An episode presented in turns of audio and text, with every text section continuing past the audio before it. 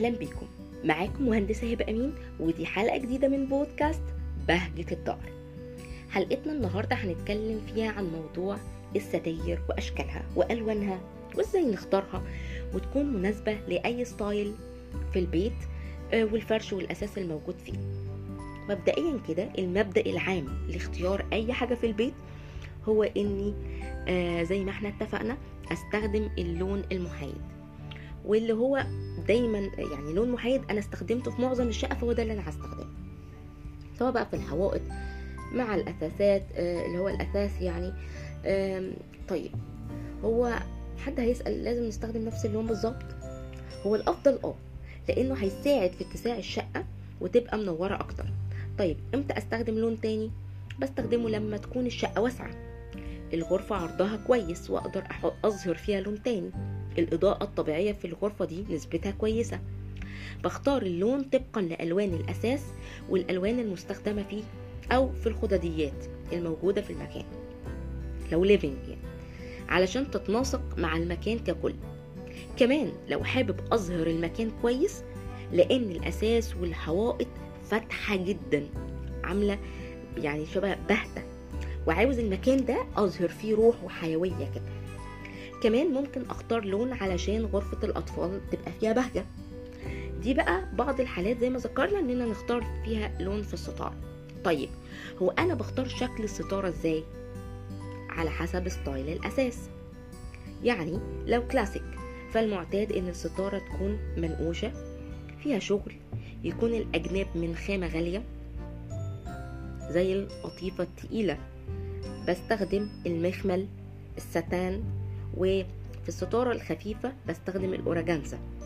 طيب لو ال style modern أنا ممكن أستخدم الشيفون الكتان القطن أو ال blackout. ودي خصوصا بتستخدم في غرفة النوم علشان تحجب ضوء الشمس. طبعا بنحاول قدر الإمكان يكون عرض الستارة بطول عرض الحائط. أيوة هيكون كبيرة كده؟ آه. لأن ده بيساعد على زيادة اتساع المكان. ومن غير المناسب إنه نسيب مسافة ما بين ال- الحائط التاني والستارة طيب لو آه، ما ينفعش خلاص بس إحنا بنقول ده الأفضل. طيب لو أنا كمان عندي السقف هل إن أنا المفترض أسيب مسافة ما بين السقف والستارة؟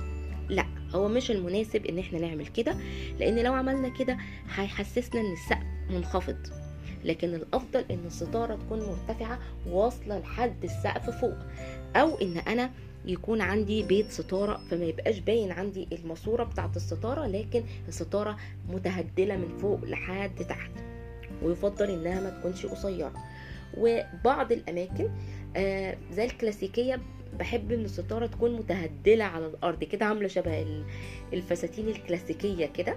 لكن لو في المودرن لا أنا بخليها ترتفع عن الأرض ب 3 3 سم تقريبا عشان ما تبقاش للحد الأرض تحت.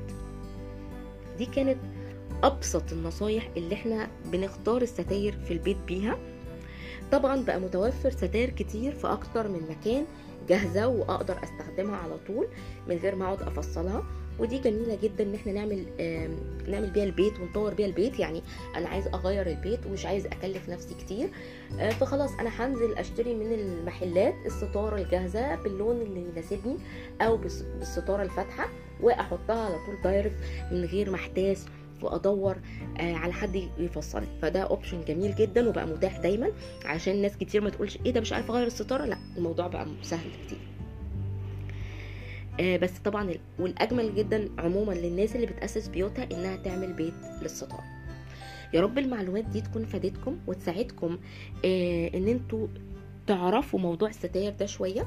هحط لكم مجموعة صور بتوضح أنواع وأشكال الستاير اللي أنا اتكلمت عنها. يا رب بيوتنا تبقى جميلة وحلوة ومبهجة.